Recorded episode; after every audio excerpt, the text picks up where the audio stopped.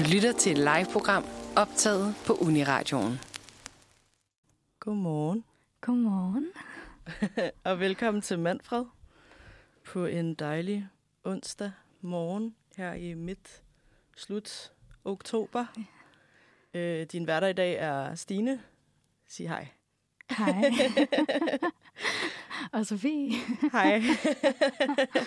Fedt. Det er dejligt lige at, at bytte rundt på, øh, på rollerne. Ja. Eller hvad man siger. ja. ja, vi bytter altid lidt rundt herinde, men øh, ja.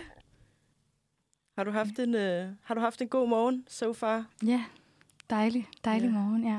Vil du ikke fortælle om din tebolleoplevelse? Ej, må jeg det?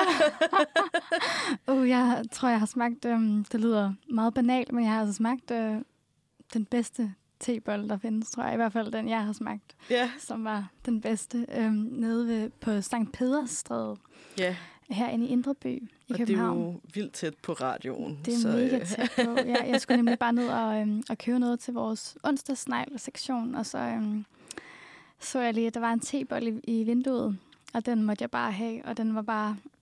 Mm, den var bare så god. Ja, Ja. Der var kardemomme i, og du havde ikke været nære med chokoladen eller noget, så det var bare, jeg var, sad helt højt, jeg mødte Sofie ude på trappen her øh, for et øjeblik siden.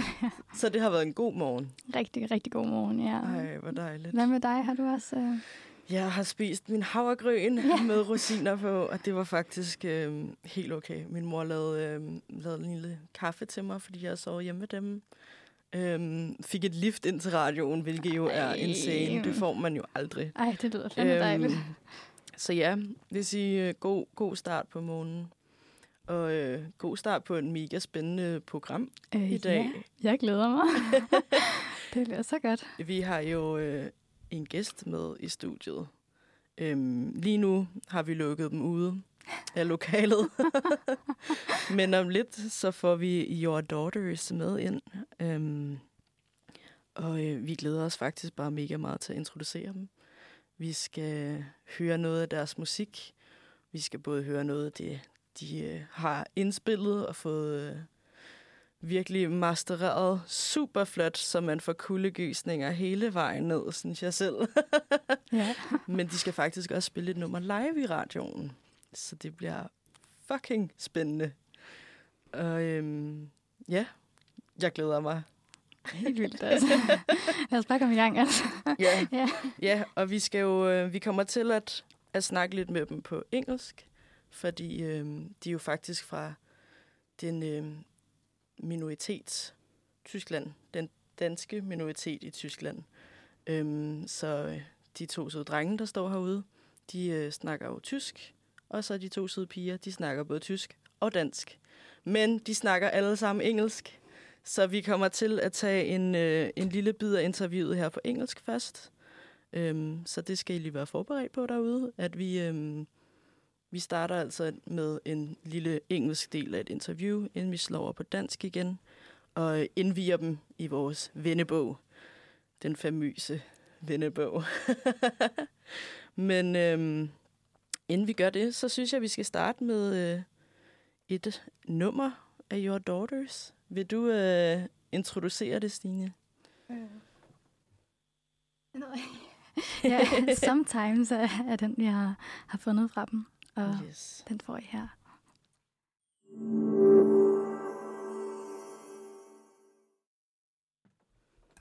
Hej igen. Halløj.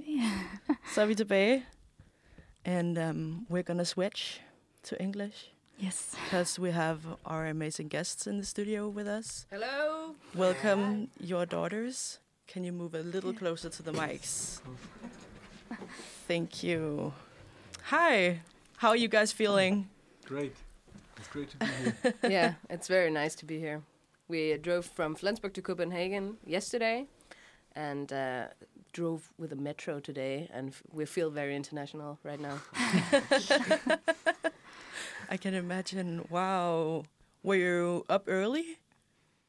In the morning today? Yeah. Um, no, we were like up at pa- half past seven or something. Yeah. Very sleepy. Oh, yeah. Yeah. We're very happy to have you here. So, so Yeah. fun. So, you guys, you're all in a band. Can you introduce yourself, your names? Just quickly say hi in the mics. Yeah, Hi. I'm, sorry, okay. Yeah, I'm Robinson. I'm Yeah, I'm Jule. I'm Laurens. And I'm Lotta. Ah, it's so nice to meet you guys. um, you're all in one band called Your Daughters. Can you tell a little about how you met and how you how you started the band together? Yes, of course. Um, and Lotta are sisters, and uh, Robinson and I we went to school together, and because of the fact that Flensburg, the city where we come from, is kind of small, we all knew each other for years, kind of, and um, we really met in March this year, where Jule and Lotta tried to find people for their project. They want to start with their with their band, and they needed a bass player and a drummer, and so kind of came together. Oh, Yeah. That sounds great. Yeah, So not that big of a city, somewhat. Or I think it's you ni- guys 90 just 90,000 people living in Flensburg. okay? So Yeah. big city actually. we're, we're all in the same friend group, I guess. okay, Um, yeah, uh, that's So- lucky. yeah. the, the cool so people, lucky. the cool people find each other in Flensburg. Yeah, they do. I'd like to believe that as well. um, so how how and when were you formed as a band? Is it have you been playing music for a long time, or did you start recently? Yeah, Lotta and I, we have played together um, for some years. Lotta is six years younger than me. Um, so I had played a lot of concerts, and then we got together and made a song for our mom and started the project Your Daughters. But when we me- met uh, Robinson and Laurens, we found out that it's so much cooler to be a band of four people. Um, and we basically met in the hotel room at Lead International, the uh, the first concert we played. It's kind of a, a Eurovision for for minorities, um, and because Lotta and my and I we are part of the Danish minority, we had the possibility to play there, and then we invited the guys and didn't really know them, just a little bit, and then in the hotel room we all fell in love. yeah. Love this story. Um, yeah, it sounds sounds really great. And um, uh, when did you start writing music? Uh, oh no, sorry, it was um, um yeah. Uh, uh, where do you have your inspiration from? Um, Um, we kind of get our inspiration from each other just by spending time together and playing music together. Um, always when we are trying to like make music together and, and it doesn't really work, then we just spend time together and do something fun, and that's where our inspiration comes from, just from the good vibes. Nice. And you mentioned uh, your mom, and I don't know. I'm thinking about your name also. Are are there some something behind the family? Uh, Yeah, it just was. It it kind of was uh, an idea we had because Lotta and I we put a song out. The the song called Flowers. I think we are gonna play it later. Um, and it was just like a fun project, so mom could have the song in her Spotify playlist. Um, and it evolved to so much more than just us. Um, but we kept the name because we think it's kind of cool that we have two guys in the band and still the name is Your Daughters. so that's cool. Yes, I love it. And you write your own music, correct? Yes. Yeah. Do you all get together and write something, or do you write something individually? How how does it work? Yeah, I think we uh, we do it in small groups. Maybe maybe uh, one person do it or two or three persons. So, um, but we also write music in yeah together, and we are jamming and find out find our style and yeah the Yeah. text. The cool thing is that I think we all have been making music for years by ourselves and just trying to write cool songs. We all like, which kind of like put out our emotions. But with this project, we had the possibility to morph them together or like, yeah, combine them. And this is kind of the things that are like the songs you are hear- hearing today is like coming from all of us together in one sound, which is really a cool experience. That's great. wow, great answers, you guys. do you um, do you lean towards a specific genre? I think it's like when we talked about this, we kind of like had problems finding one gen- genre. Maybe also because we're like making music for half a year or something. I think we're still on the way to find a genre, but maybe it doesn't really need one because like there's so much more open space for us to not like fit in genre in one genre, and I think like there's some um, genre we all like get inspired from or something. Maybe songs from from indie music or funk, or also like R and B things. And this is a cool experience to realize that we all have kind of the same taste of music. Yesterday we created a playlist for like our band, like an artist playlist, and it came so well together with. Like everyone was like, yes, this song is also great, and this one too. And yeah, it was a good experience. That's nice. Hope you're feeling like you're settling in. Um, we're gonna take a very short break and play some music. So um, sit back and relax, and your daughters will be back.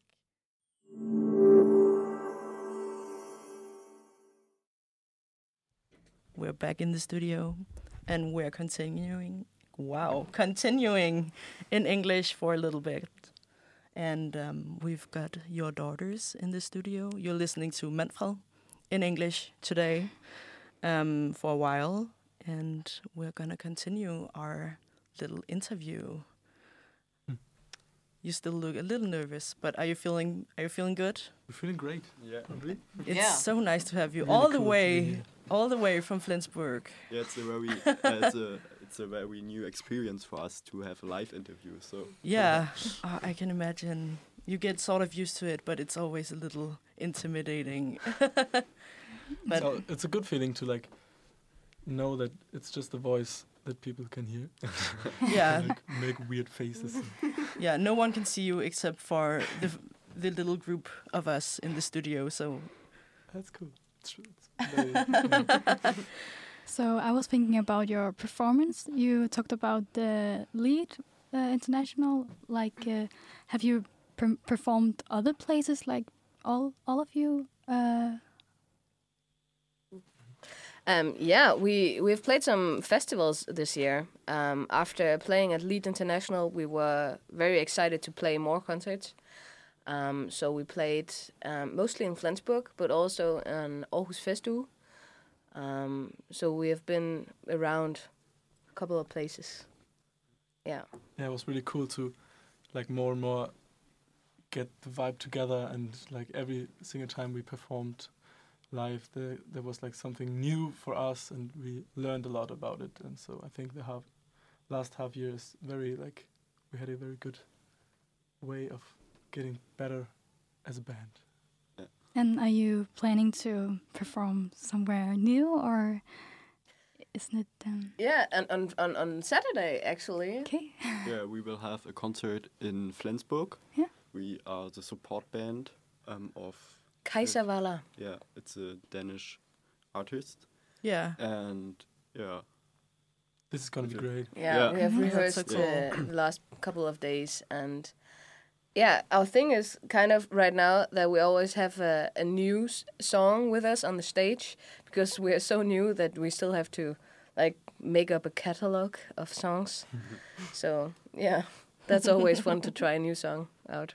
yeah, that sounds great.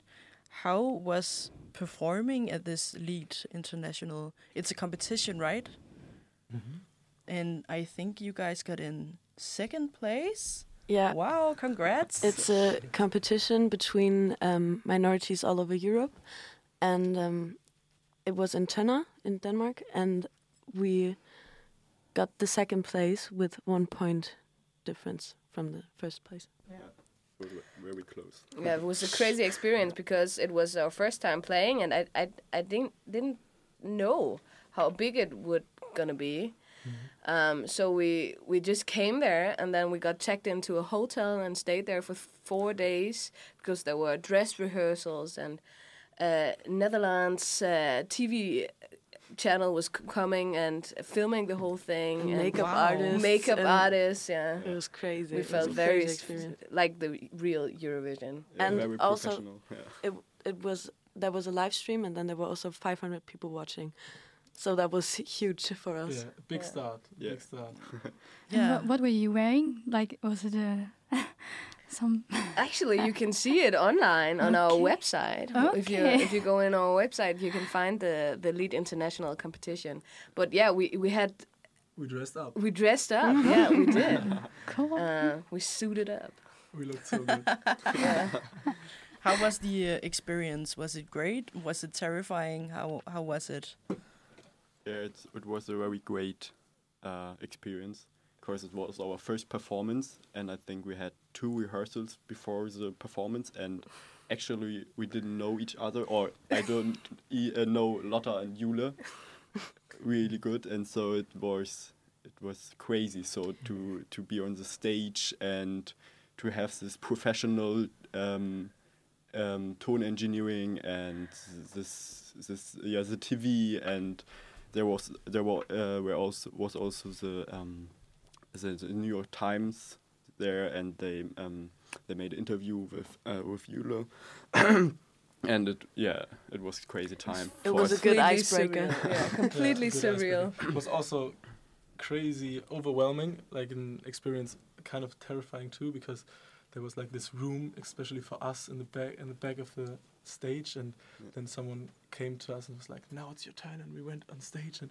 there were so many people. that were like, "Oh, we're just starting this," but um, it went out pretty well, and we had so much fun. And after it was, yeah, such a good experience overall, and yeah, we came together. Yeah, I think weekend. The craziest uh, thing about it is when you stand. So they they're playing live, and they f- filmed it live. So you had to go on stage while somebody else was talking to the camera somewhere else in the room. Yeah, there was a really strict time plan. Yeah. So we sta stood on stage just waiting for the go from the cameras to start to play. Um, so we just stood there like three minutes in complete uh, uh, like Dark. yeah, with complete dark. God. and we just had to be very calm and silent. We just stood there and we were like, "Oh my God, Yeah. it is n- it now. Now Yeah, it the- has to be Oh, good." the good thing was the good thing was that we looked so amazing that everyone has to watch us and was like, "Wow!" And we just stood there and was like, Yeah, okay. a lot of family and friends were uh, were in the pub uh, in the how's it called uh, crowd. Mm. Yeah, yeah. It sounds terrifying, just standing there. so, like, and then you you didn't know where when it will it will be or Yeah, a- and they just said go, and then was an it exact was our time. okay. Yeah. And, then, and then we had o- uh, only three thirty minutes to to play the song, and then so it was, uh, yeah. So it was only the one song. It was Husult. Um, We're we gonna play it there, later. Yeah. Yeah, and then uh, yeah, after this it was finished. So and uh, this yeah, it was over, and then Yeah. it was a great and then feeling. and then we thought we were done and had already changed our clothes and then people were like um, you have to be on stage right now because uh, we're we're it's like in Eurovision they they were counting the points and we all had to sit, sit on the stage together and just watch the jurors give the points so we were filmed all the time while Oh, while God. getting getting the points and it was just such a terrifying experience because we were like always in the top, and then in the last vote, I think uh, somebody else got in the first place, and, And- we were like, "Oh my god!" we were actually so happy that that happened because we wouldn't have played well because like that we were so terrified Ah, and yeah. so Yeah, nervous and yeah. we were almost sorry pissing our pants because it, it was just so fucking terrifying and we like didn't expect any of it we just did it like for fun Yeah, and then Yeah. yeah, I guess that was also the thing that we we had to play again if we would have one. Yeah, won. okay. Yeah. So yeah, it was perfect. So That's true Eurovision Yeah, styled true TV. Eurovision. Oh wow, that's insane. So um, if people want to listen to you guys, Yeah. Inst- instead of only just today, just want to listen to you in general, where where can they find you? yeah, you can find us everywhere. You can stream music actually, and uh, you can also find us on Instagram and Facebook and also TikTok. So you can find us uh, with uh, your daughter's music. Yeah, you can use our sound as a sound on TikTok and Instagram and yeah, yeah. so um, but but yeah, we just launched a website. Robinson he uh, built a website for us. Um, Cool. yeah, you can the website you can find on uh, under yourdaughter'smusic.com, and it's I think yesterday we yeah, we dropped it. Yeah. and there all information are also. So Great. So if anyone wants to reach out to you guys, listen to your music, it's all out there All out Yeah, on the great internet. we have only released two songs until now, but there's coming more. So There's something. okay. There's there's something not Something's that much to listen to if you don't come to our concert. Shout out. They're playing in Flensburg. Or are you playing anywhere in, in Denmark anytime soon? we Or are you hoping to play in Denmark we have played in Aarhus one time in Mølleparken. Yeah. Um, but there's nothing scheduled in the near future. But We're uh, trying. We right now we're making a list of like maybe, like trying to apply for festivals or different locations to play new concerts and so on. Okay. So Summer. yeah, Sounds great. Hope to uh, catch a concert with you guys sometime. would be so But great. for now, we're gonna catch a live concert in the studio. Can you introduce the song? the song is Husud. It's called Husud, and uh, we played it at Leeds International. But Yeah. it's just an acoustic version.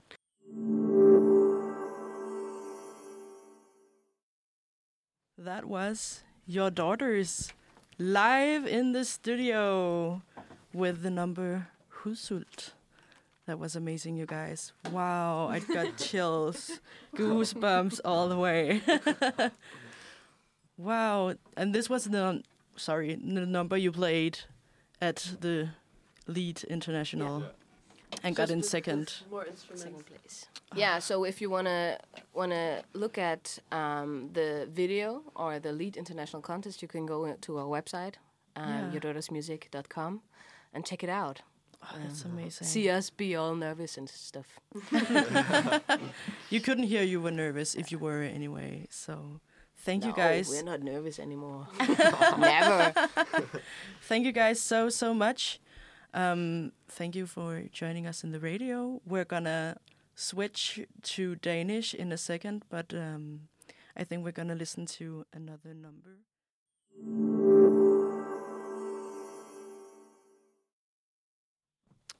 Hej igen. Så er vi altid tilbage. I lytter til Manfred. Nu igen på dansk.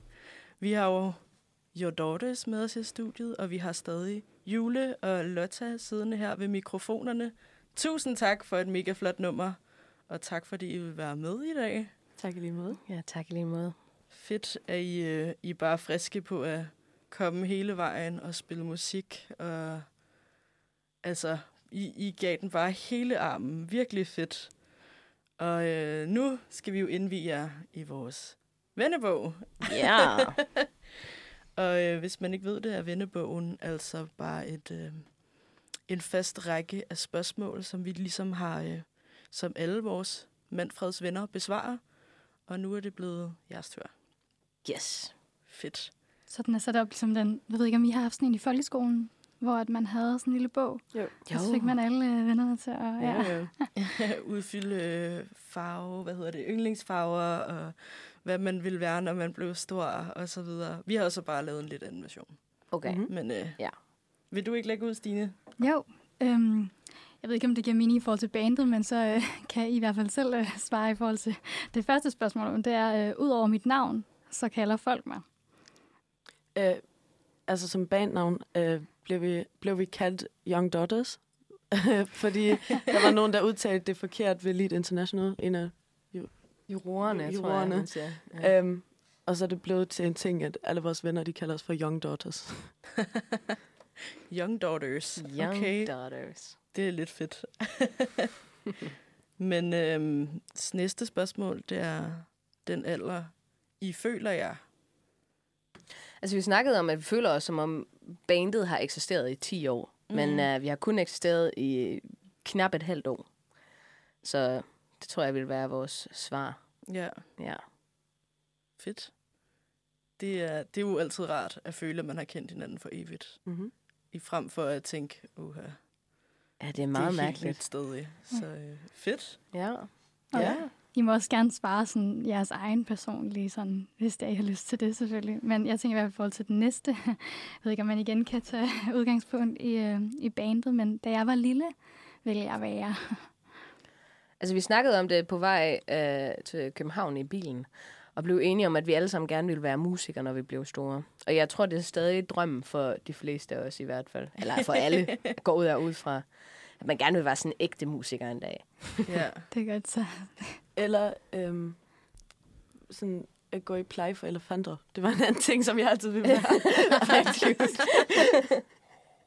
Ja, undskyld, hvad sagde du? Prøv lige at sige det en gang Øh, til. sådan, i- være, jeg ved ikke, hvordan Sådan noget elefantpasser. Ja, Ja. Jeg tror også, jeg havde en drøm om at være sådan, hvad hedder det, sådan zookeeper-agtigt, da jeg Ja. var lille. Ja, Ja, jeg skulle bare være sammen med alle dyrene. ja, ja. ja. Jamen, det er rigtigt. Hvad med øhm, en ting, I altid har i tasken?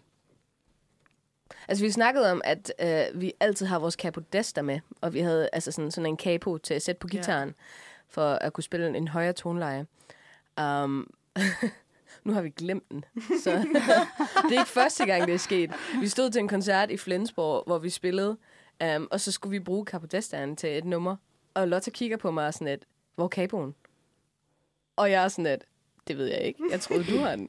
Og så står man der for en publikum, og det endte med, at sådan, den var i bilen. Ja, jeg Så skulle løbe Laurens- ud. Ja. Nå, Nå, ja, ja, gud, Laurens løb ud for at hente den i bilen, men han fandt den ikke, så han skulle komme til, på, øh, tilbage på scenen. Mens jeg og så skulle Jule gå ud. Så jeg løb ud, og det er kun fordi, jeg havde en ekstra i bilen, vi kunne finde en. Så det var en meget pinlig situation at stå på en scene og være sådan, om vi kan ikke spille de næste to numre. Mm. Nå, øh, men det lærer man af. Ej, Ja. Ja, det lyder allerede som om, at hvad I fortalte tidligere, at I har haft øh, sådan klar den bare i stiv arm her med, hvad, hvad I blev udsat for. Ej, det er Ja. ja. sindssygt imponerende. Vi, øhm, vi tager et lille stykke musik, inden vi fortsætter med vores øh, vennebog. Så øhm, nu tager vi et nummer, der hedder Monster af Little Cat.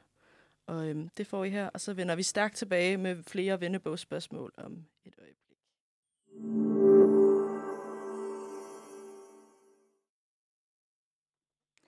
Hallo, Velkommen tilbage. Klokken er ved at være kvart i ti, og vi har stadig øh, besøg af Your Daughters. Og øhm, ja, og nu vil vi fortsætte lidt med Vennebogs interviewet her.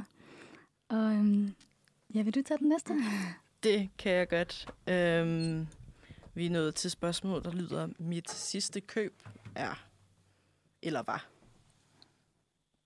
Altså, vi har snakket om, hvad... Oh, Nå, sådan hej, der. hej. Beklager. Am I alive? um, um, vi snakkede om, at, at vi faktisk får nogle penge for den næste koncert, vi spiller, og overvejer, hvad vi skal købe for det. Så um, vi vil gerne købe nogle in monitors um, til, til vores band, så vi kan spille um, på scenen. Um, så det er meget teknisk. Ja. Um, men ellers har vi købt noget smøger og et Club Mate i går, tror jeg. Det er sådan lidt det sidste køb. En klub Marte, dem er jeg altså ikke fan af, det er jeg bare ked af at sige. Men, øh, men fedt. Det er fedt, at I, øh, I får noget for at spille, og I ligesom allerede nu er sådan, hvad skal vi bruge dem til? ja, ja, helt klart. Har, ej, jeg kan Det godt forestille mig, at det er noget, man godt kan sådan glæde sig lidt til, at være sådan, uh, nu får vi noget, nu skal vi købe et eller andet, og så sådan kunne købe noget til sig selv, der er sådan noget, man kan bruge næste gang. Ja, ja. Det er fedt. Det er, det er lige præcis det, vi tænker. Også fordi, altså sådan, de der in monitors, når man spiller med dem, ikke, så er man jo en ægte musikstjerne. Ja, Altså, det ser jo så sejt ud. Det er jo alle, alle de store, der bruger dem. Så det er nok derfor, at vi synes, det ser sejt ud. fedt. Men det er også mega smart at kunne høre sig ordentligt på scenen. Ja, det leder lidt tilbage til jeres, øh, I drømmer om at være musikere. Ja, Er det der, I bliver sådan ægte i sådan gåseøjne musikere, når man har ind i monitors? Eller? ja. Så, um, så er vi også alt for øh, staragtigt for noget andet. Nej, vi fjoller selvfølgelig. Fedt. Jamen, Og øhm, øh, ja, den næste, jeg vil gerne blive bedre til. Øh, vi vil meget gerne blive bedre til sceneperformance, fordi det stadigvæk er meget... Vi er alle sammen meget nervøse, øhm, og det er en særlig ting at stå på scenen, hvis man ikke har gjort det så mange gange før. Vi har, nu efterhånden har vi prøvet det mange gange, men det er altid meget nerve... hvor- Hvordan siger man? Nervepigerne. Ja. Nervepigerne. Mm. Så det skal vi blive lidt bedre til at blive lidt mere performing på scenen. Ja, ja. fedt. Så øh, er næste spørgsmål. Jeg elsker, eller I elsker, når... Vi har snakket meget om resonans i går, og at vi elsker i det øjeblik. Nogle gange sådan, så, så er stemningen i bandet måske bare sådan lidt, alle er lidt trætte eller et eller andet. Og i det øjeblik, man begynder at lave, lave noget nyt, altså begynder at sådan, snakke om en ny idé, så er det som om rummet det bliver lysere. Og at, at vi bare sådan resonerer så godt med hinanden, så bliver mega glade. Um, så jeg tror, at det er vores sådan, eller i hvert fald mit yndlingsøjeblik i bandet. Ja, det samme med resonans på scenen. Ja. Øh, hvis der kommer noget fra publikummet. Sådan, så det føles som om hele rummet det vibrerer, fordi man bare kan mærke energien. Ja, og det er bare det, det bedste. Fedt. Ja, Ja. det lyder altså virkelig som om, I har bare har det fantastisk sammen. det, det lyder altså for godt til at være sandt, men det er rigtigt. ja, man kan også bare fornemme det, når I kommer ind sammen, at sådan, I var sådan en dejlig lille vennegruppe, der bare Endnu. har det skønt endnu. Vi er trods alt søskende, så... Um, Nå, men så kan det være, at det, det leder os lidt videre til det næste spørgsmål. Nå. øh, som er det helt modsatte. Øh, vi hader Norge. mm. Nu skal vi sige det cheesy uh, svar, som vi har tænkt over i bilen. Når vi ikke er sammen mere. Mm. Oh. Men jeg tror, det er mere sådan noget, når vi glemmer Carpotastan i bilen, når vi skal spille. det er altså pinligt. Ah, men altså, der er ikke et øje tørt. Fedt. Jamen, øhm, så er vi faktisk nået til et lille stykke musik igen. Og nu skal vi høre Iris af Iris. Så øhm, det nummer, det får I lige her. Og så vender vi stærkt tilbage med den tredje og øh, sidste del af vennebogen. Ja, så øh, nu får I lige et lille stykke musik, hvor I får en lille pause fra, fra os herinde i studiet. Og så, øh, så vender vi tilbage lige om lidt. Vi ses.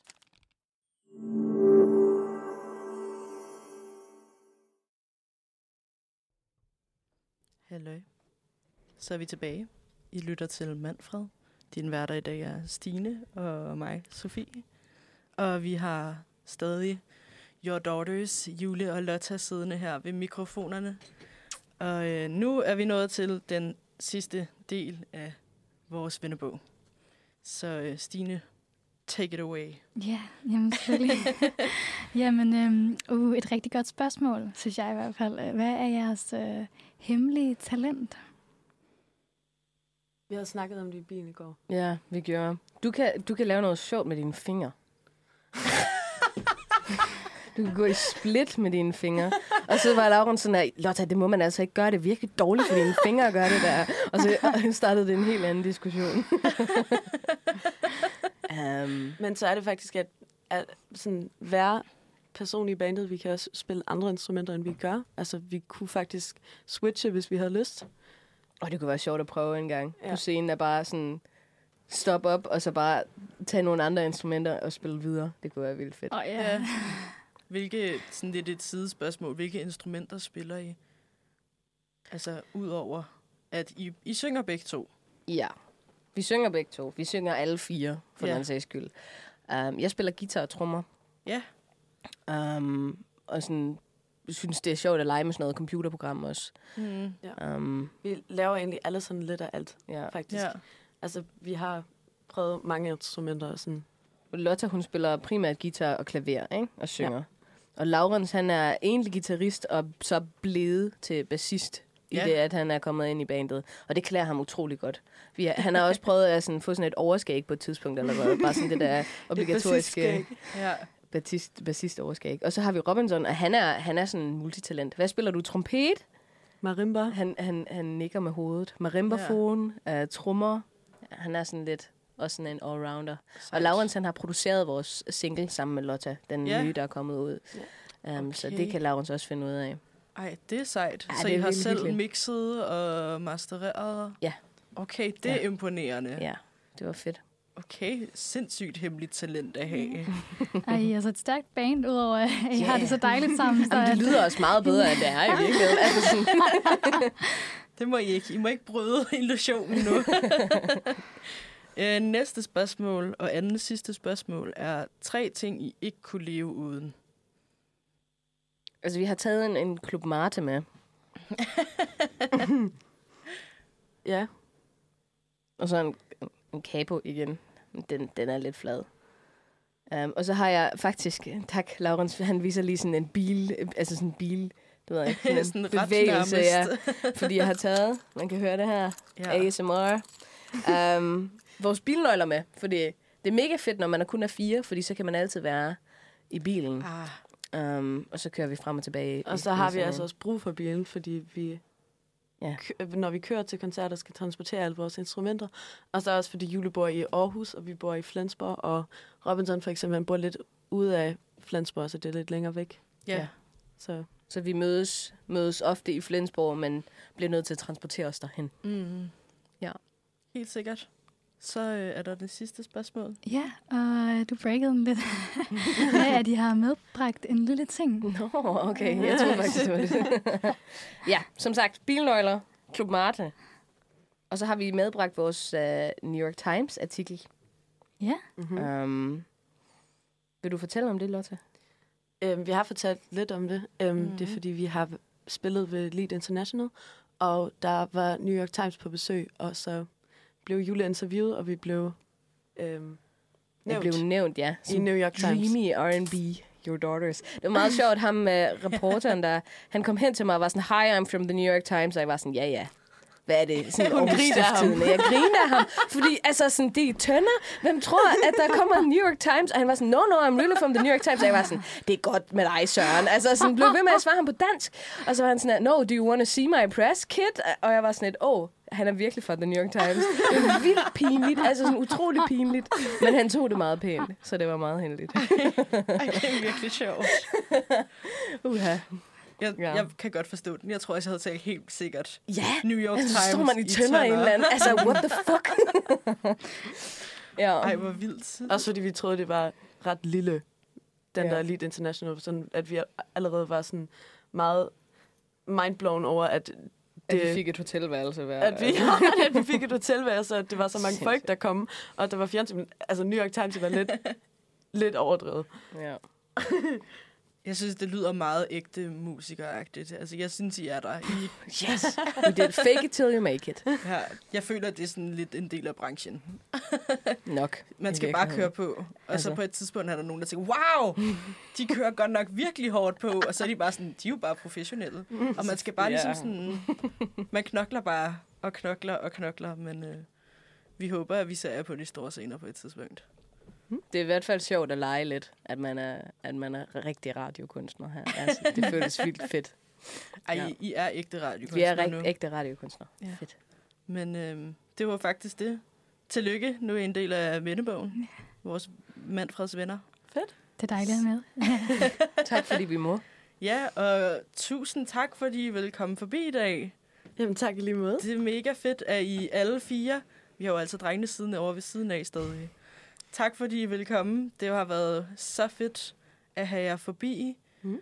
Og øh, vi håber, vi håber, vi skal ud og høre jer på et tidspunkt. Og ja. glæder os til mange, mange udgivelser, håber jeg. jeg har en masse, jeg skal have lagt på min Spotify-playlist. Så øh, fedt. Ja. Så tror jeg faktisk kun, der er tilbage at sige øh, tak, fordi I kom ind. Og øh, så spiller vi et sidste af jeres numre, inden, øh, inden Stine og jeg altså fortsætter en lille time mere. Okay. Så øh, vil du tage den? ja, så er der uh, Flowers, som var det uh, den sang, uh, vi snakkede om i forhold til skrevet til jeres mor. Ja. Ja, og den kommer her. Tusind tak, fordi I kom forbi. Mange tak, fordi I måtte være her.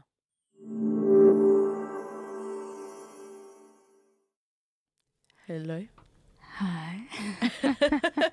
Så blev der helt stille i studiet, føler jeg. Ja, uha, det er helt underligt faktisk. Ja, Ja, nu er det altså kun øh, Stine og jeg tilbage. ja. Ej, de var fandme søde. De var så søde. Ja. Ej, det var fedt. Det var det, ja. Jeg har kæmpe virkelig. optur over det. Ja. Ej, jeg var, helt, jeg var lige så nervøs som dem, føler jeg. var, Ja. Man Ja. kan godt blive sådan lidt starstruck også over at have sådan kunstnere i studiet, føler jeg. Ja, nu vinker de lige derude. Vinker lige fra studie 2. ja. Men øhm, det er jo sådan, at vi skal faktisk være en hel time mere og underholde jer derude. For øhm, Manfred er jo en, en, en dejlig formiddag på hele to timer. Men øhm, nu er det altså Stine og jeg, der, der er tilbage i ørerne på jer. Og øhm, om lidt skal vi jo smage på en ny onsdagsnegl. Mm-hmm, ja. Eller bagværk, det er jo faktisk en, en kanelsnor. Jeg tror, jeg breakede det lidt øh, allerede i introen, at, øh, Ja. at det ikke var en snegl, jeg havde fundet frem, men en snore. Ja, Ja, og øh, jeg er virkelig, virkelig spændt faktisk, fordi øh, den der tebold der, den, øh, den sidder fast i mit hoved i hvert fald. Den tror jeg ikke, jeg kan få, få ud igen nogensinde. Så øh, i sådan, ej, jeg glæder mig bare virkelig meget til at smage den, og se, om den er lige så god. ej, det er lidt sjovt. Drømmer bare om tebollen allerede. Mm. Levende. Eller Det lyder sådan også bare, vågne drømme-agtigt om... Øh, ej, ja, det lyder også bare så fjollet, fordi en tebold er bare så simpel. Ja. Men det var virkelig god. Mm. Ej. Men har du nogensinde smagt øh, noget ned fra øh, St. Peders øh? Mm, jeg har ikke rigtig smagt det, faktisk. Mm. Jeg ved, at der er nogle andre på radioen, der har købt det før. Ja. Øhm, men, men det er ligesom om, at jeg aldrig rigtig selv har fået noget. Mm-hmm. Ja. Så jeg er faktisk virkelig spændt ja. på, at, på at prøve det. Fordi jeg ved jo, det ligger lige ved siden af, og jeg har egentlig været forbi flere gange, og så sådan kigge ind ad vinduet. Øh, men aldrig været inde, og aldrig rigtig købt noget, så jeg glæder mig vildt meget til at smage noget derfra nu. Så øh, det, skal vi jo, det skal vi jo egentlig til lige om, lige om lidt. Vil du ikke lige fortælle, hvor du havde købt den Jo, igen? jo jeg, øh, ja, jeg nævnte nu øh, St. Peders stræde, eller St. Peders bageri af, af en grund, for øh, det var jo det er der, jeg har købt den nemlig. Og jeg ved ikke, til jer, der ikke har været inde i øh, St. Peders bageri, øh, så er det en, en ret fin, et, øh, en, ret, en rigtig fin øh, bager. Øh, meget sådan, jeg, følte, jeg fik lidt sådan en, en royal stemning på en måde. Øh, eller det var i hvert fald... Øh, lidt finere end, end andre bager. Øhm, og øhm, ja, det kan man også bare... Øh, jeg synes allerede, man kan mærke det lidt på posen, at den har sådan lidt mere klasse, Ja, helt sikkert. ba- øh, selve, selve bageren. Øhm, men øhm, ja, Lad os Og- se, hvad den kan. ja, lad, lad os se, hvad den kan. Eller Ja. hvad man nu siger. Jeg føler faktisk, at den er lidt copyrighted efterhånden. Nå, er det? Kan jeg vide, hvem? ja, Nu har jeg lige fået fat i en kniv til os. ja. Og, Og, øh, skal vi lige starte med at, at beskrive dens udseende? Nu tager jeg den ud af Ja. posen her. Uh, man kan næsten høre den der lækre crispy pose af mig. ASMR radio i dag. Uh, jeg kan også lige for, fortælle her, at øhm, Københavns ældste bageri, det er St. Peders Strædes bageri. er det det? Og øh, den blev grundlagt i øh, 1652 af bagermester Michael Mens. Ja. Altså, Okay. Og det står simpelthen på selve den fine pose. Ej, den er altså virkelig flot også. Ja, og det, hold da kæft, det er sgu mange år siden. Ja, det er faktisk en gammel bager. Ja. Ej, hvor vildt. Nej, det, det vidste jeg ikke. Så det er jo øhm, bonusinfo. Ja, altså nu er vi nødt til at gå i gang med den her, fordi min mund løber sådan helt i vand nu. Jamen, den ser altså også øh, virkelig dejlig ud. Jeg får meget af svenske vibes, fordi den har det der, øh, hvad er det nu, de hedder? Sukker, øh, det hedder ikke sukkerkrystaller, vel gør det det? Nej, jeg ved det faktisk ikke helt. Øhm, ja, Men jeg er sådan lidt sådan nogle... Ja, sukkerkrystaller lyder i hvert fald godt. Men, øh, det hedder det nu. men den er virkelig flot. Det er sådan en snoreform. Altså, den har... Ja, den, det, det er vel en snore. Det er jo ikke en snegl. Den er ikke sådan rund på den måde. Den er ligesom viklet rundt om sig selv. mm, Og så er den meget flot afbagt, synes jeg, man lige skal kommentere på. helt. Den er sådan gylden, lækker brun. Mm, ja. Mm. Også til, til jer, der selv har bagt øh, snore før. Jeg synes, det er virkelig svært at få dem så flotte, så Ja. rundet, og sådan, den er så godt, øhm, jeg var lige ved at sige flettet, men øh, det, Den Den er er også sådan høj. Ja. Og man kan sådan se, der er sådan en luft og, og lag i. Mm, og kanelen, altså nu uh, Lise, det er ærgerligt, hun ikke er her i dag, for hun uh, efterspurgte kanelen i den, vi havde fra Netto sidste gang. Ja, Um, og jeg tror altså, den her bliver en lidt anden oplevelse, uden at have smagt på den endnu. ja den dufter også virkelig godt. Men um, Apropos, Ja, og, og smage på den. ja. Skal vi Lad ikke- os se, hvad det kan. Skal vi ikke uh, gøre det? Jeg Skal ved vi ikke, tage om... en bid? Ja.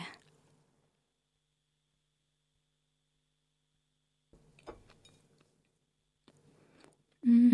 Mm. Mm, den er god. Ja, den er, den er sgu virkelig god. Ej, det er, sådan Ja. ja. noget, det er noget andet end, end supermarkedets øhm, snegle og jeg ved ikke engang, og snore egentlig også for den sags skyld. Det er ligesom om, at, at de sådan lidt mere, deres dej er sådan lidt mere sådan klumpet sammen, Mm. fordi at de sådan har været i en fryser eller et eller andet. Ja, de er sådan mere sådan bestandte på en eller anden måde. Ja, og den her, den har sådan en meget luftig, øhm, Ja, luftig.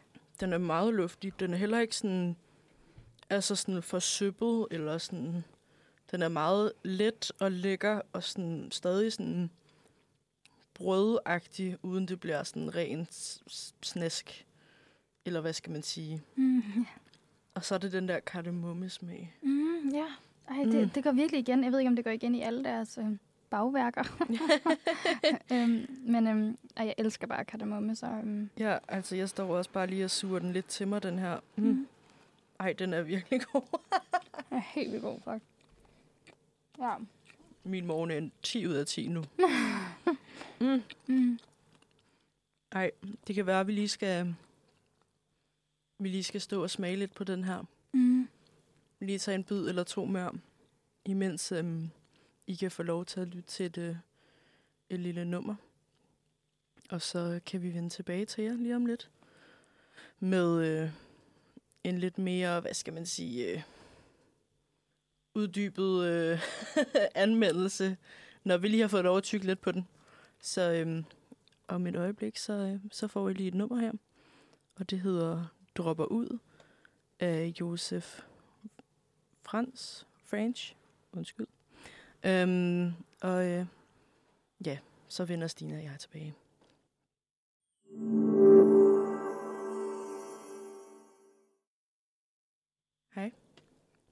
Hej.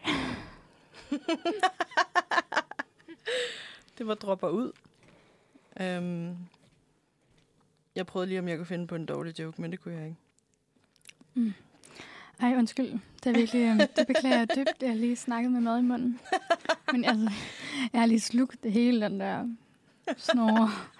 Wow. Altså, Mm. jeg, ved, altså, jeg er helt mundlam, faktisk, tror jeg. Hvordan har du det? Nå, du er lidt... Du har, lige, du har lige taget en bid, så kan jeg ikke stille dig et spørgsmål. øhm, men jeg kan i hvert fald sige, at øhm, jeg synes, den er virkelig, virkelig god. Ja. Altså, jeg står lidt og overvejer, om man skal stå og slikke sine fingre af. Mm. For det der kanel, der er bare sådan... Mm, virkelig den, lækkert. Den, den er der fandme også i dag med kanelen. Altså, den er, den er, sådan, den er krasser lidt i halsen næsten. Det er sådan helt... Mm. Ja, altså den er sådan kanel på den helt rigtige måde. ja. Og så kommer der den der sådan, sådan smag af sådan kardemomme i sådan selve brødet, føler jeg. Mm. Og det er bare lækkert. Ja. Altså, jeg er slet ikke færdig med den her nu, og jeg står bare sådan... Jeg har virkelig sådan mundvand, der løber. Men du, altså, wow. du har også travlt med teknikken og alt muligt, så Mm. du skal lige... Øh, ja, du klarer det i hvert fald godt. Lige nyde, Mm-hmm. nyde bollen lidt, var jeg ved at sige. Ja. Men øhm, ej, det, øhm, de er sgu ikke nære i dernede. Selvom at det er lige, øhm, det kan vi også lige tale om i forhold til de fire kriterier, som jeg har øhm, oplistet de sidste par onsdags snegle gange. Mm. Øhm, at den, øhm, altså, den var nem at få fat i. Den ligger lige ved sådan en uniradioen. Ja. Og øh, prismæssigt, så er den altså lidt, lidt derhen af. Altså, du kunne nok købe tre øh, af de øh, små, søde venner der i, øh, i Rema den første gang. Vi, øh, Ja, i okay. fald- der var det mig, der også øh, stod for at, at købe den. Mm. Og så der, den øhm, er i den dyre ende. Ja, den er den dyre ende, ja. Så, øhm, men altså, jeg synes faktisk, at den, jeg vil hellere have den der, end jeg vil have en af dem fra, eller tre af dem fra Rema. Nu smagte jeg jo ikke dem fra Rema, så jeg sammenligner lidt med Netto fra sidste uge. mm, ja. Jeg ved ikke lige, hvad den prislaget lå på, men jeg tænker også, det er omkring Billig, de 10 tror jeg. kroner Ja. eller sådan noget. Jeg går ud fra, at den var ja, Ja. billig, og den her er nok i den lidt dyre. Men altså, jeg betaler gerne ekstra hvis man skal have den luksus, føler jeg, så vil jeg hellere betale lidt mere Mm. for noget, der virkelig er sådan, virkelig er lækkert, øhm, frem for at købe noget billigt, der bare er sådan lidt, bare for at få noget. Mm. Kan du følge mig i den? Ja, det kan jeg virkelig godt. Jeg havde det virkelig øh, omvendt, da jeg var lille. Jeg var sådan mega sådan, nej, det er bare mad, eller sådan, øh. Men så efter jeg er blevet ældre, så er jeg sådan, altså jeg vil hellere sulte en dag, og så bare æde det bedste mad næste dag. Ja. Altså sådan, der betyder det bare virkelig, virkelig meget, og sådan spise noget, der er lækkert, og Ja, ja. helt sikkert. Det tror jeg er altså sådan en ting, man gør lidt mere, når man er ældre, så vil man hellere, altså sådan kvalitet over kvantitet. Ja. Og det føler jeg virkelig er sådan, at den her, Mm. uha. Men vi skal jo faktisk vurdere den. Altså, vi skal jo faktisk give den øh, sneglehuse, som jo er vores, øh, vores stjerner. Ja. Fra 1 til 10. Er vi ikke enige om det? Jo. Og netto ind på en 5,5, kan jeg huske. Mm, nå ja, ja. Mm. Rema var 6,5. Ja, 6,5, ja. Um, Så hvor ligger den her, Stine? Har du taget hul på den? uh, ja, altså jeg har lyst til at placere den meget højt oppe, i hvert fald. Mm. Øhm, men hvor højt oppe det skal være, det er jeg lidt i tvivl om. Men det er også fordi, at jeg tror, kommer, jeg kommer altid til at sammenligne med noget, man har oplevet før i tiden. Og øhm, jeg ved ikke faktisk, det eneste kriterie, jeg har til den, det er måske, at jeg synes måske, der er lige sådan et milligram for meget kanel. Og det kan være, at Lise ville dræbe mig, hvis jeg sagde det her, og hun står med den i munden. Men øhm, ja, jeg synes, øhm, jeg synes at, at der, der er måske lidt, lidt, lidt, sådan, lidt meget. Men altså, jeg ved ikke, om det er for meget. Mm, det er i hvert fald, altså, man kan i hvert fald smage kanelen. Og det, øhm, men den, den er virkelig, virkelig god. Altså sådan, ej, jeg, jeg ved ikke, om jeg, altså, jeg prøvede bare at finde noget dårligt med der kanel, men jeg ved ikke, om der er hold i det. Øh, jeg ved ikke engang, om jeg selv tror på det, men den er virkelig god. Altså, jeg står lidt som sådan en legebarn. Det kan man ikke rigtig se ud i radioen. Og prøver sådan Og skille noget, skille ja. den lidt ad for sådan at se, hvor mange lag, der egentlig er i den. Og der er faktisk virkelig mange lag, kan jeg så sige. Mig, der står med meget fedtede fingre nu. Men altså, den er virkelig sådan luftig, og sådan, jeg synes ikke, den er sådan tung, tung, ligesom den i, i Netto var sådan en ret... Det var ret lækkert til at starte med, men så blev den virkelig sådan Mm. tung. Men altså, det er jo kæmpe... Nu har vi delt den i to, og der synes jeg stadig, den er stor. Mm, Det er ja. virkelig en stor en, man får for, for pengene. Ja. Og jeg synes virkelig, den er lækker. Men jeg tør ikke sætte... Altså, jeg tør ikke rate den for højt. Nej, I frygt for, at der er noget, der er endnu bedre. Ja, altså endnu jeg, vildere. jeg tror, jeg kan ikke placere den under 8. Det, altså, det vil være for synd. Altså, jeg har lyst til at give den en 9'er. Ja, jeg tror også, at øhm, er jeg deroppe af. Øhm, Mm. fordi er så er der stadig plads til en 9,5 eller en 10, hvis det er. Mm. Og det tænker jeg, det, øhm, det, det skulle okay. Ja. Så jeg, jeg tror fandme, jeg vil gerne, jeg vil gerne være med på den 9'er. Mm. Skal den have en 9'er? Skal den have en 9'er? Uge 3. Wow. 3 onsdagsneglen giver vi en 9'er. Ej, det er altså... øhm, Jeg har lidt lyst til at sige 8,5 nu, bare på grund af det. Men sådan, den er jo virkelig god. Det vil være synd at skrue ned. Mm, Nu larmer det udenfor. Vi luftede lige ud i studiet. ja. Øhm, jeg vil gerne give den en 9'er. Mm. Jeg synes virkelig, den er god. Jeg synes, den er virkelig god. Altså, jeg overvejer at gå ned og køre en tilbage. Og en tebolle. Ej, har en tebold. Wow. Ej, den er virkelig lækker. Ej, den er så god, ja. Jeg er slet ikke færdig med at stå og sådan savle over det her. Det, det kan jeg godt afsløre. Men øhm, skal vi sige det? Den Ja. får sgu en, en 9'er. En solid nier. Wow. Ja. Okay, jeg synes virkelig, det er imponerende, vi går efter en 9 allerede nu, men det er sejt. ja jeg, jeg synes, den har fortjent det. Det synes jeg virkelig. Ja, det synes jeg også. Den er over alle forventninger, føler jeg. Mm. Fedt. Ja. Jamen, øh, 9 ud af 10 sneglehuset til øh, St. Peders Til det ældste Bageris. bageri. I, var det, undskyld, var det Danmark, eller var det København? København, tror jeg. Bare København. Ja. Københavns ældste bageri Mm-hmm. har også so far den bedste. Det er jo så ikke en snegl. Det kunne man jo godt have skruet lidt ned for pointene for. Oh, men altså en snore, men Mhm. stadig med kanel. Dog med lidt ekstra spice, som var kardemomme. mm-hmm. Og Ja. de her sukkerkrystaller. Fedt. Så godt, ja. Jamen, øhm, skal vi Skal vi tage et stykke musik så? Ja, Og så jeg. vende stærkt tilbage med... Øh, vidste du ikke det? Som er dig, der har forberedt et spændende, spændende emne. Ja, Vil du tease lidt, hvad det er, vi skal, skal, høre skal jeg det? Jamen, det handler om noget, noget indre. Noget indre. Så kan man jo undre sig lidt over, hvad Ja. det er. Lige præcis. Imens vi hører Shake the Feeling Mm-hmm. af Ice Age.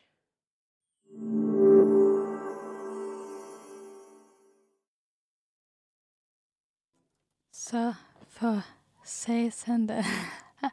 Så er vi tilbage. Så er vi tilbage. Ja, og øh, vi har lige spist en lækker onsdags bagværk. Et, Ej. et onsdags bagværk. Så lækker. Ja, og blev meget enige om, at den, den skulle scores højt. Og nu, øh, nu skal vi videre til, hvis du, vidste du ikke det? Hvis du ikke det. Hvor vi forhåbentlig alle sammen bliver en lille bitte smule klogere på noget, der er inde i os selv. Fordi at øh, indslaget i dag kommer nemlig til at handle om de vitale organer. Uh. Uh. Det ved jeg ikke noget om. Uh, at du siger det. Ja. Øh, mig og Sofie har lige snakket om, at øh, det er fordi, jeg har aldrig haft biologi i gymnasiet, hvilket jeg er ufattelig ked af. øhm, men øhm, så jeg, jeg, jeg, øhm, jeg synes virkelig, at, øhm, at kroppen er et spændende, spændende væsen, og at, øhm, ja, at der er meget, jeg ikke altså, ved om kroppen. Ja. Og det håber jeg heller ikke, eller det, det, det går ud fra, at der er mange, der heller ikke øh, ved, og ellers er det måske lidt længe siden, man har haft biologi. Det Øhm, tror jeg.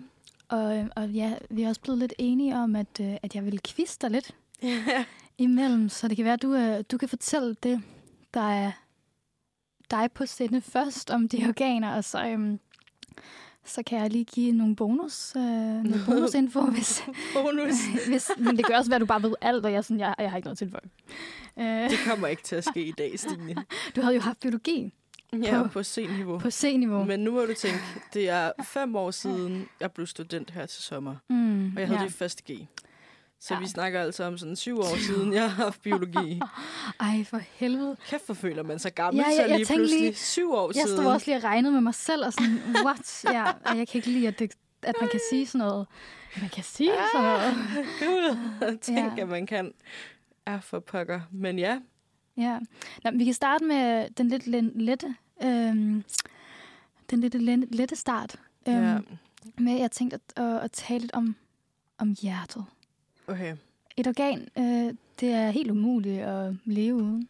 Ja, det må man sige. Ja, Det er Og- faktisk ret livsnødvendigt. det er ret livsnødvendigt. og øh, hvor er det nu, hjertet sidder henne, Sofie?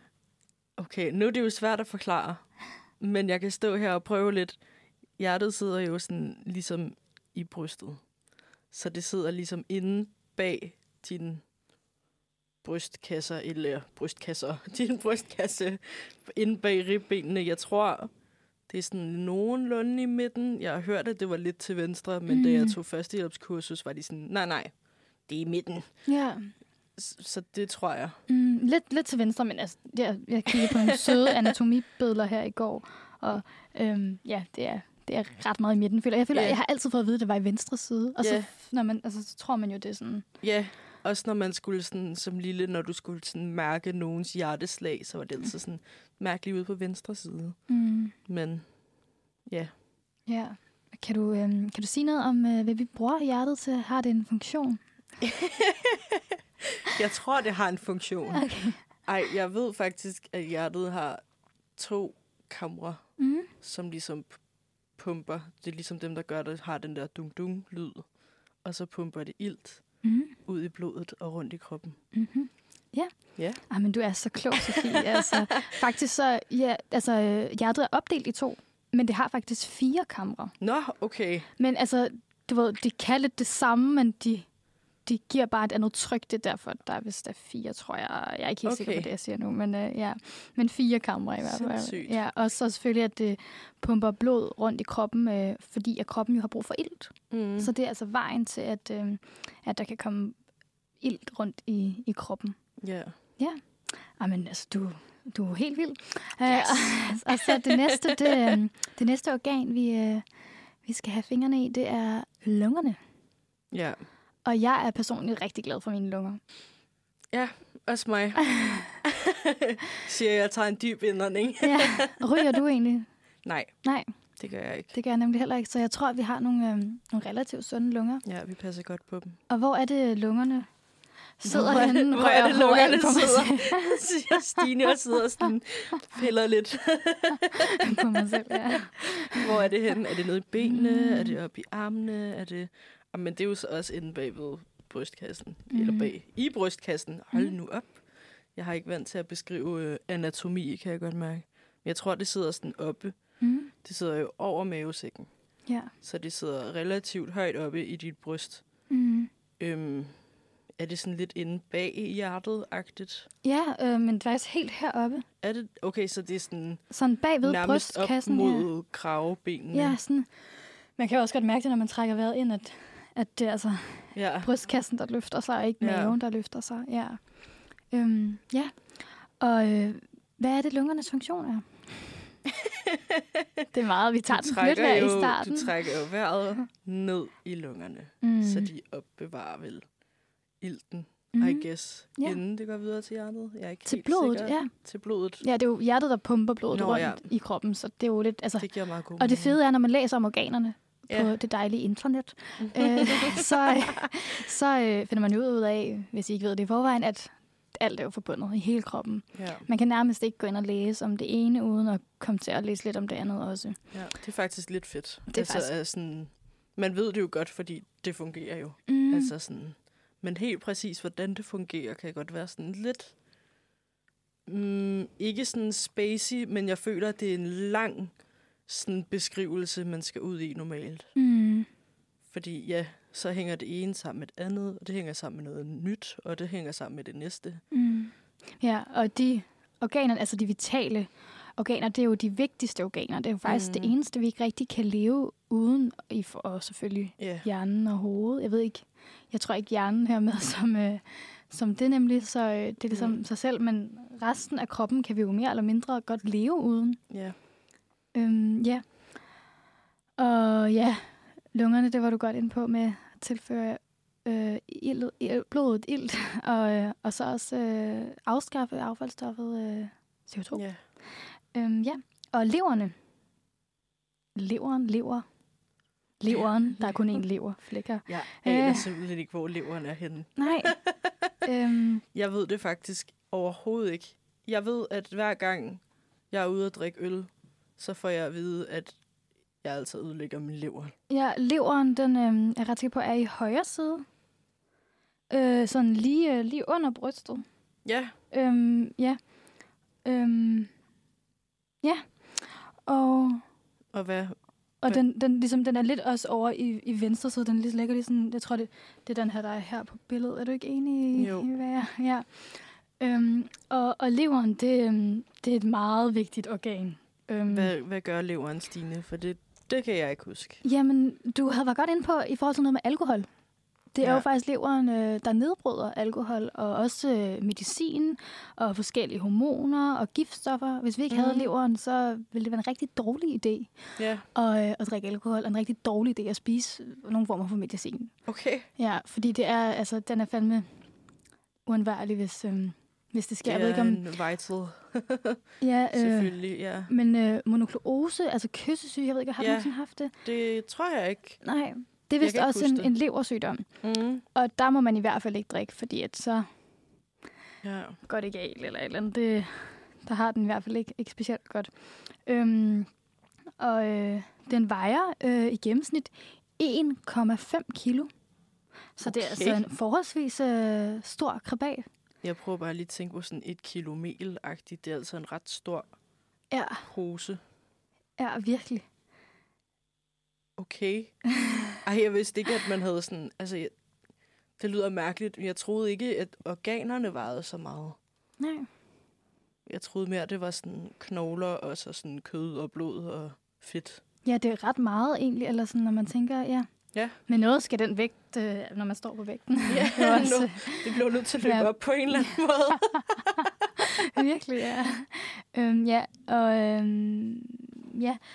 Øh, I leveren, der øh, foregår der flere øh, produk- øh, funktioner, Ja. øh, som gør kroppen øh, i stand til at, at udnytte de næringsstoffer, vi spiser. For eksempel fedt, kulhydrater og proteiner. Så den er ligesom også med til at, at bearbejde øh, nogle ting. Mm. Øhm, og øhm, ja, og udskille... Øhm, ja, eller leveren har også stor betydning i forhold til, at kroppen udskiller øh, og nedbryder affaldsstoffer. Øhm, og øhm, de filtreres så over øh, i de små gallegange i leveren, og herefter gennem øh, en større gallegang til selve galleblæren. Og øh, det leder os jo videre til selve galleblæren. og har du hørt om... Jeg kan øh, ikke at du kigger på mig på den måde. Jeg ved absolut intet om katteblære. Jamen, Jeg er helt sikker på, at jeg har vidst noget. Kender du den følelse? Jeg er sikker på, at jeg har vidst, hvad galleblæren er. Mm, Men lige nu føler jeg mig sådan lidt, som om jeg er til biologi for dummies. altså sådan, jeg kan virkelig ikke huske det. ja. Det er fuldstændig sådan, puff, forsvundet fra min hjerne siden øhm, for, for syv år siden, hvor jeg havde biologi sidst. Ej, jeg ved heller ikke, hvor meget man har. Altså anatomi i biologi. Er det... Jeg kan faktisk ikke huske det. Jeg Nå. føler, vi har haft noget om det. Mm. Men måske har det været i folkeskolen, man har haft det sådan helt jeg er sådan basale kroppens- om kroppen. Jeg Det tror, også- det har været mere alle de der sådan sjove, biologiske... Altså noget om... Øh, vi havde om alle de der funktioner med RNA og DNA og sådan noget, så det har været mere i de sådan helt små, øhm, frem for de, de større organer, altså sådan, så man har været helt nede i de der bitte små mikroskopiske ting frem for. Og det kan jeg så heller ikke huske.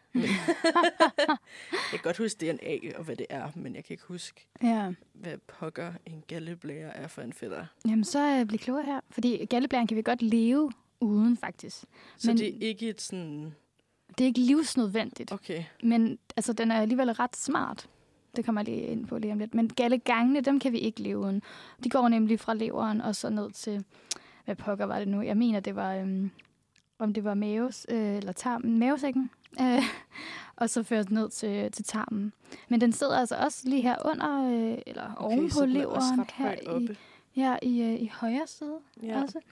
Øhm, og øhm, ja, øh, galleblæren, den, øhm, den øh, tømmer øh, sig periodvis, hvor ved øh, gallen den løber ud i 12-fingertarmen og videre til gennem tarmsystemet. Okay, det var, øh, det var ikke rigtigt med, at det kommer ned i mavesækken. Det er jo selvfølgelig maden, der gør det. Og, ja. Mm. Men det, det er altså de øh, næringsstoffer og affaldsstoffer, som ligesom er i gang med at blive nedbrudt, der er denne her vej igennem. Øhm, ja.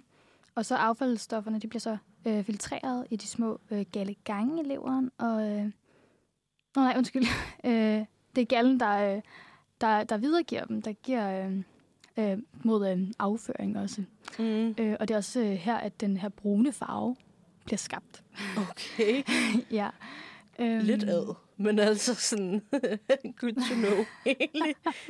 Ja, lidt, øh, det er lidt nasty, nasty fætter. Ej, nasty fætter. Øhm, Lige efter vores lækre, lækre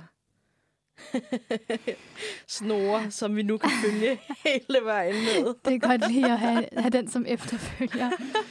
øhm, ja, og øhm, den er faktisk kun øh, 10 cm lang Okay. og 3 cm bred, så det er ikke et, et specielt øh, stort øh, organ. Er det ved jeg faktisk ikke helt, om det er et organ. Skyd mig, hvis jeg siger noget forkert nu. En blære, er det et organ? Det ved er du det vel. Du er faktisk øh, mere ekspert end mig i hvert fald. Øhm, Nej, det er jeg faktisk overhovedet ikke. Men øhm, ja, øhm, Men jeg er god til at google. God til at det. ja, men øhm, selve gallen, den nedbryder øh, fedtstof øh, fra maden. Og når man har spist øhm, et større fedtholdigt måltid, øh, så trækker galleblæren sig sammen, og gallen tømmes øh, på den måde ud i 12-fingertarmen. Så det er altså... Øhm, Ja, altså hvis du har en galleblære, hvis du ja. Ikke har fået den fjernet, så, altså sådan, så er det den, der også... Jeg tror, det er både den, der... Øhm, hvis jeg forstår det rigtigt, at det er den, der sådan, øh, giver dig øh, nogle, øh, nogle, nogle, jeg ved ikke, om det er nogle affaldsstoffer, eller sådan, øh, til Mhm. at, at nedbryde Ja. din mad i maven, men også den, som hvis nu du ikke har spist noget, så kan den ligesom give lidt ekstra ind i maven, øh, Ja. og få maven til at arbejde, selvom den ikke har fået noget føde. Okay, det er lidt vildt. Ja, så den, den har ligesom flere funktioner, men det er, det er i hvert fald det her med at nedbryde.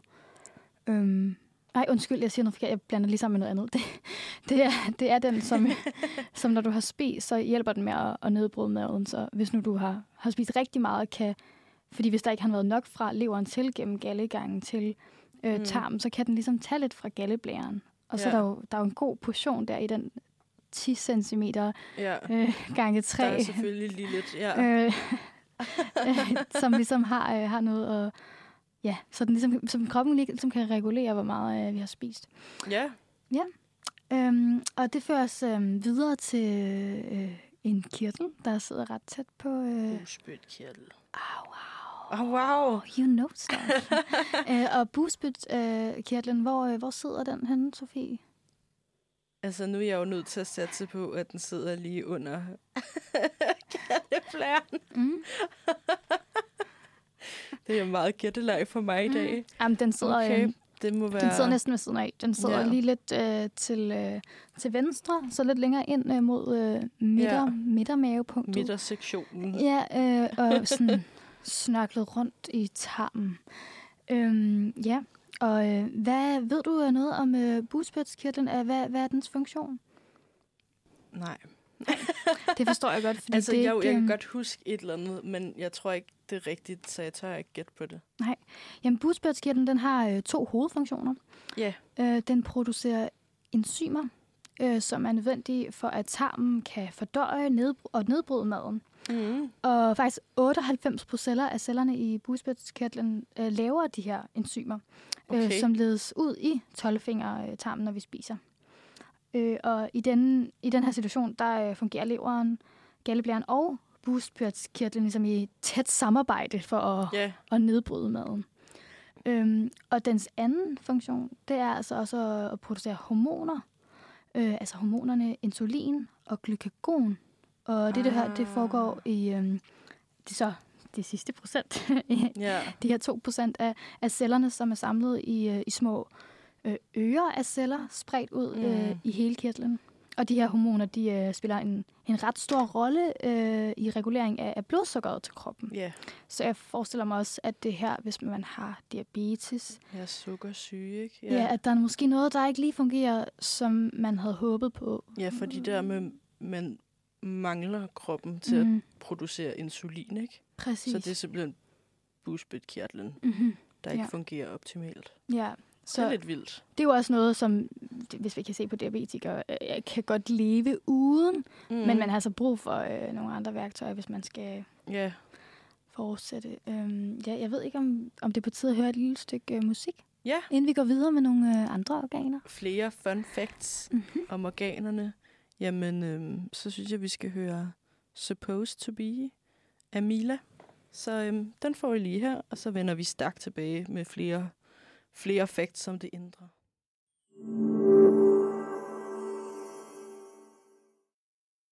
Hallo. Velkommen tilbage. Hej, hej. Vi har i gang i øh, en organsnak, Ja, det Og- har vi jo faktisk. og vi har lige øh, haft øh, galleblæren og, øh, og bugspytkirtlen op at vende her til sidst, som er sådan lidt... Det tror jeg, vi er blevet enige om, at det, det er noget, vi ikke sådan ved super meget om, eller det er noget, vi begge to har lige fået noget, noget lidt mere viden om. Øhm, Ja. Det var hjerter og, og lunger og, øhm, og slever måske. Der er lidt mere sådan almen viden i de to små ja. venner der, der sidder under leveren. Og nu, Øhm. nu kommer der jo alt muligt ekstra, kan jeg ligesom fornemme. Ja. Ja! For nu tænker jeg at, Mere. at tage videre til nyrerne. okay. Og øhm, ja, ved du noget om, om nyrerne, Sofie? Mm, nyrerne. Nyrerne, nyrerne, nyrerne. Altså, er det ikke øh, dem, der ligesom... Øhm, det har noget med urin at gøre, tror jeg. Mm. Men jeg kan ikke lige huske, hvordan det fungerer. Ja, om det, det føler jeg. Det, ja, du er meget godt og, og ved du, hvor de sidder henne? Mm, de sidder jo sådan... Nej. Altså, de, de, du har jo to nyrer, ikke? Mm. Men de sidder jo over... Altså, de sidder under alt det andet, vi lige har snakket om, føler jeg. Men ikke så langt nede, at det er helt nede ved... Øh, Nu tænker jeg jo på sådan noget moderkage og sådan noget agtigt, men Uh, det, er jo ja. ikke helt, det er jo ikke helt der, vi er. øhm, Jamen, jeg synes, du meget... Du, jeg, du, jeg øh, ved ikke lige, hvordan man skal Altså, jeg vil, det. jeg vil være mere sådan på bare bund, tror jeg, end, end dig. Ja. Jeg synes, du gør det ret godt, fordi de sidder ligesom... Øhm, altså nu, nu taler jeg ikke lige sådan, i hvilke lag af det indre, øh, Ja. men sådan, hvis man tager fat i ens nederste øh, ryg, nej, jo, fuck, Mm. ryg, øhm, øhm, ribben, Ja, så, så ligger de ligesom under der. okay. Der er lige to af hver, og, og der kan man jo godt få fjernet den ene. Ja. Donere dem også, hvis man har lyst til det. Det er faktisk vildt, at man Til kan familiemedlem, eller det. Ja. et eller andet, men de er i hvert fald ret vigtige i forhold til, de øh, hjælper jo øh, affaldsstofferne på vej ned til, øh, ned til øh, blæren, eller det er urinlederen, der gør, der gør det. Øh, nyrerne, de ligger, øh, øh, ja, ja, de ligger som sagt det, i, i buhulen, hedder det, på hver Mm. mm. af, af rygsøjlen. Og urinen, den dannes altså ved, at nyrerne, de øh, filtrerer blodet. Ja. Okay. Øhm, ja, det er ret vildt. Så det er altså affaldsstofferne, der, der ligesom bliver, bliver øhm, Sendt videre ned i Sendt- blæren. ja, lige præcis, ja. Og, og forlader kroppen øh, gennem urinen, øh, mens, mens næringsstofferne holder tilbage. Og nyrerne er med, altså med til at, at styre vand- og saltbalancen, samt blodtrykket. Gud. Ja, ja. De, altså, øh, har nyere noget med blodtryk at gøre? yes, yes. Man Eller, kan virkelig høre, hvor, hvor humaniora jeg er lige nu. og ikke særlig science. Jamen, altså, øhm, det med blodtrykket har jeg faktisk ikke lige undersøgt øh, yderligere, men, øhm, men ja, det, det er ret vildt, at, at de også har noget at gøre med det. Øhm, men saltbalance og, og styring af, af vandet, ja, det, øhm, det er jo også, det okay, de ligger måske også lidt til, til sig selv. Øhm, men, øh, og de er også, også øh, med til at, at danne øh, vigtige hormoner. Øhm, for eksempel, ej, nu er jeg bange for, at jeg udtaler det forkert, øhm, men, men øh, ery, erytopitin, øh, bedre kendt som øh, EPO. Okay. Aha, ja. Øh, som altså øh, fører til dannelse øh, af, af blod. Ja. Og uh, nu kan jeg ikke lige huske øh, Bjarne Ries og alle de der sager. Der, ja, men er jeg det, tænkte det er lige jo præcis EPO, man Ebo. tager. Ja. Og øhm, hvad fanden er det? Er noget med sådan hemoglobin? Øh... Ej, jeg vil, ikke, jeg vil ikke rydde med i den her snak, tror jeg. Øh, men øh, det kan være, at du lige googler, mens jeg, jeg fortsætter. Øh, øh, fordi at øhm, øh, for uden at, at fjerne affaldsstoffer fra kroppen, så spiller nyrerne en vigtig rolle i, øh, ja, som sagt, øh, regulering af, af væskebalancen, men altså også syrebalancen. Og, øh, øh, ja, og fra øh, nyrebækkenet, der øh, løber urinen altså gennem de her urinlager, øh, som jeg var på vej, eller som jeg talte om før, og ned til urinblæren, hvor urin altså opbevares, før vi vælger at, at tømme ved vandladning. Mm. Øhm, ja. Og øh, jeg ved ikke om, har du et... Øh, har du fik du undersøgt lidt mere øh, EPO? Øh, Altså, jeg har slået op, hvad det var, ja, og jeg er kommet ind på antidoping.dk. den elsker vi alle sammen, den side der. Den, den lyder fancy, synes jeg. Antidoping. Antidoping. Og der står både lidt om den medicinske anvendelse af EPO og anvendelse som doping, mm. som jo så må være vores kære cykelrytter, for eksempel. Mm. Men der står, at det bliver brugt i behandling af patienter med kronisk nyreskader, Mm. der har lav blodprocent på grund af reduceret EPO-produktion. Og EPO, det er altså øhm, med til at den røde blodlegemer, så vidt jeg kan forstå. Mm. Ah, ja. Ja, Ja. Mm. og når det så øhm, anvendes i sådan doping-sammenhæng, så øhm, er det ligesom med til kunstigt at øge mængden af de røde blodlegemer i kroppen. Og jo flere røde blodlegemer, der er i blodet, jo mere ilt kan blodet føre ud til de arbejdende muskler, og så ligesom forbedre dem. Eller sådan, det er ligesom, ja, det er med til at gøre, at man sådan falsk forbedrer sine muskler, Mm. og derfor øh, ikke i orden i idrætten. Ja, okay. Ja, Ej, spændende, mand. Okay, fedt. Og, øhm, ja, og videre igennem kroppen, du. ja, Så Kom finder, med Der, det, det blev jeg faktisk lidt overrasket. Og jeg ved ikke, om, om det er fordi, det, det bare har glippet fuldstændig for mig. For jeg, jeg ved ikke, om, om det er mere, om det er almen viden. Men, eller om fordi jeg ikke har haft biologi, øh, som nogle andre heldige. Men mave, mavesækken, den sidder højt op. den sidder forholdsvis højt oppe. Ja, den er ikke sådan helt dernede, hvor man tænker, man har sådan vum-agtigt, vel? Altså, den sidder betydeligt højere. Det er jo ikke sådan lige under brystet, men hvad skal man sige, sådan næsten sådan lidt midt på maven-agtigt. Ja, i, i venstre side, og så er den ligesom... Øh, så slanger den sig ligesom ud over, øh, ligger oven på tyktarmen. Mm. Øhm, ja, men, men mest den største del af den altså, for, for findes altså i venstre side og så Ja. ind mod midten. Øhm, men ja, lige under brystet, og det, det vidste jeg faktisk ikke. Jeg troede. Nej. den sad længere nede. Men jeg ved ikke, om det er bare, fordi jeg spiser for langsomt til at opdage, at, øh, hvor meget den booster sig op. ja. Fordi at øh, mavesækken, den kan faktisk indeholde 1 liter mad. Okay. Og sådan, det, er ret, det er ikke lige så stort organ, altså, hvis man tænker sådan på tarmen i hvert fald. Mm. Mm. Så det synes jeg i hvert fald var ret, øh, ret imponerende. Og den kan også sådan udvide sig og sådan...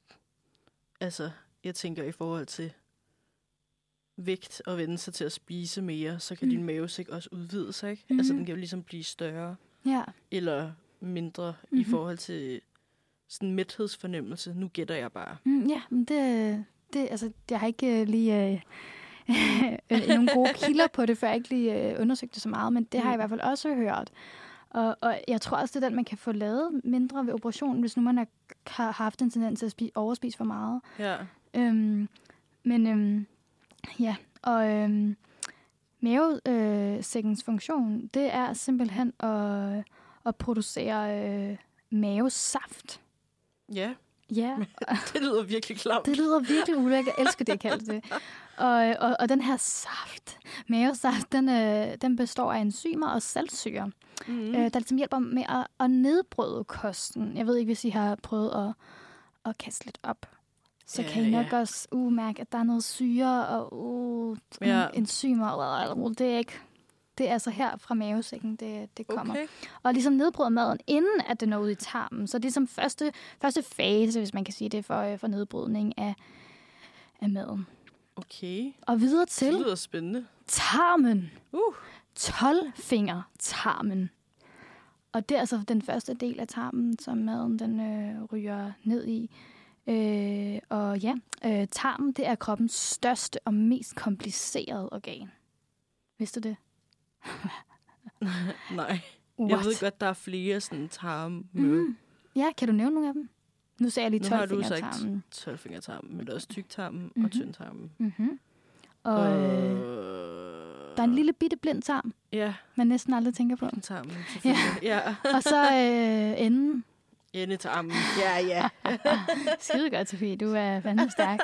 Med Øh, hjælp, så kan man komme langt, ikke? Og øh, øh, ja, øhm, den, er ret, den er ret lang, tyktarmen faktisk. Det, nej, undskyld, øh, tyndtarmen Ja. er ret lang. Ved du, Er det lang den, der snor er? sig? Er det den, der er Ja. sådan 12 meter? Der er en af dem, der er sådan sindssygt lang.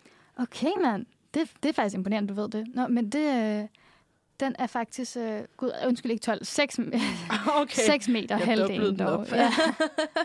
men, men øh, ja, den er, det er altså stadig, det er altså langt, synes ja, jeg. okay. Det er i hvert fald, okay, jeg har også hørt, i forhold til, hvis man tager alle ens blod over Ja. øhm, fra, øh, fra kroppen, øh, ud og strækker ud på en lige linje, så vil man kunne nå rundt øh, to gange rundt om, øh, om jorden. Nej. Jo. Og det er altså hvad?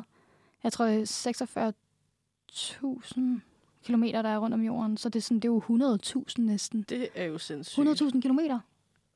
Det er jo altså, det er vanvittigt. Øhm, og øhm, ja, 6 meter, det synes jeg er vildt. Øh, tyndtarmen er så, øh, så lang.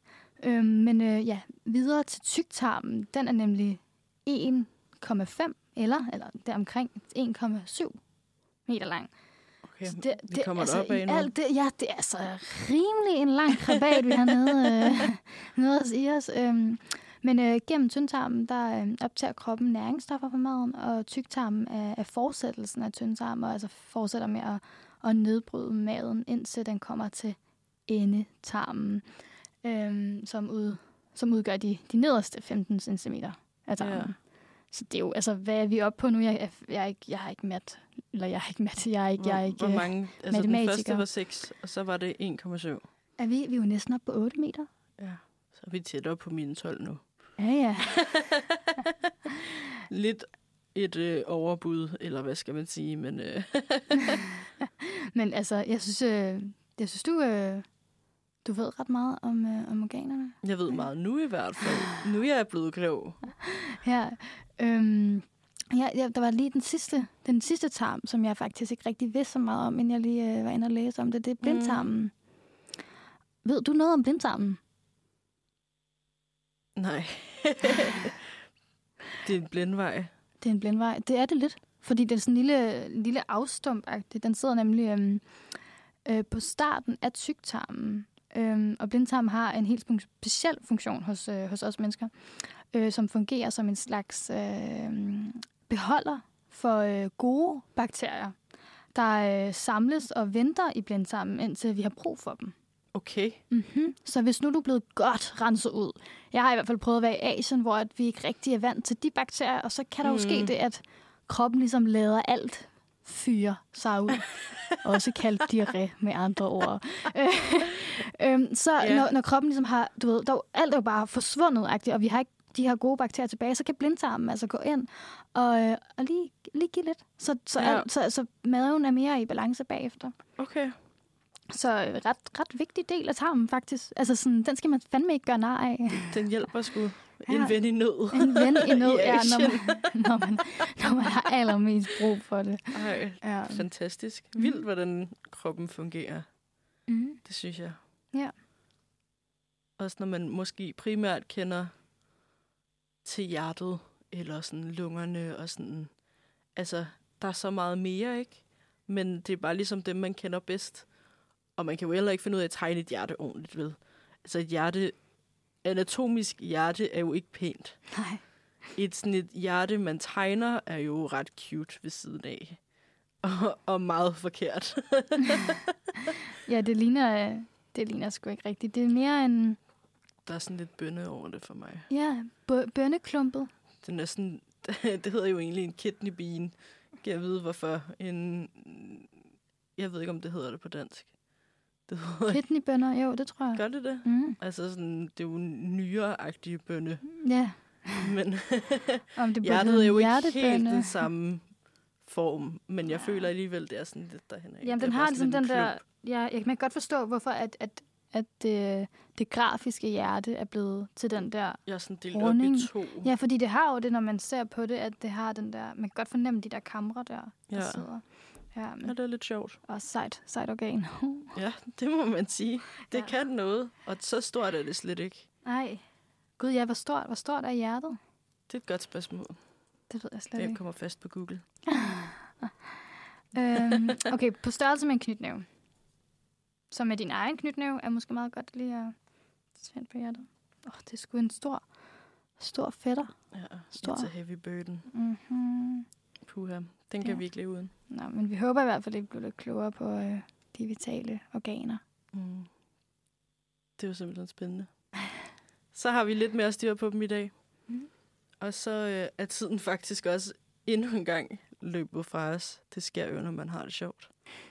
Og man lærer en masse, og man hører noget fed ny musik, Mhm. og, og så videre, og så videre. Men øhm, jeg tror ikke, der er så meget at sige andet end tak. Mange tusind tak. Tak for en lærerig, vidste du ikke det? Mhm. Det vidste jeg godt nok ikke. Ej, jeg synes virkelig, du øh, klarede det godt. jo, tak. Man kan komme langt i, hvem vil være millionær, hvis man havde uendelige livliner, ikke? Uh. Det føler jeg lidt, at jeg har haft i dag. Nej. Men øh, ja, tak for det, Stine, og tak for lækker, lækker kanel, øh, kardemomme, snore. Mm, ja, tak. Og tak til Your Daughters, der var forbi. Og Ja. tak til alle jer derude, der har lyttet med til Manfred i dag. Manfred er jo tilbage igen i morgen på torsdag. en torsdag. Øhm, vi er her simpelthen hele ferien. Så I skal, ikke, I skal ikke sidde og tænke, hvad fanden skal jeg i dag? I kan i hvert fald starte hver morgen med at lytte til øh, Manfred. 9 til 11. det var dagens dårlige promovering. Nej, det, det synes jeg ikke. Det skal du ikke øh, være så hård mod dig selv om. Jeg synes, du gør godt. Skide godt. Mm. Jamen, øhm, tak for i dag, Stine. Selv tak, Sofie. Og øh, vi ses ja. i næste uge. Ha' en rigtig dejlig dag derude.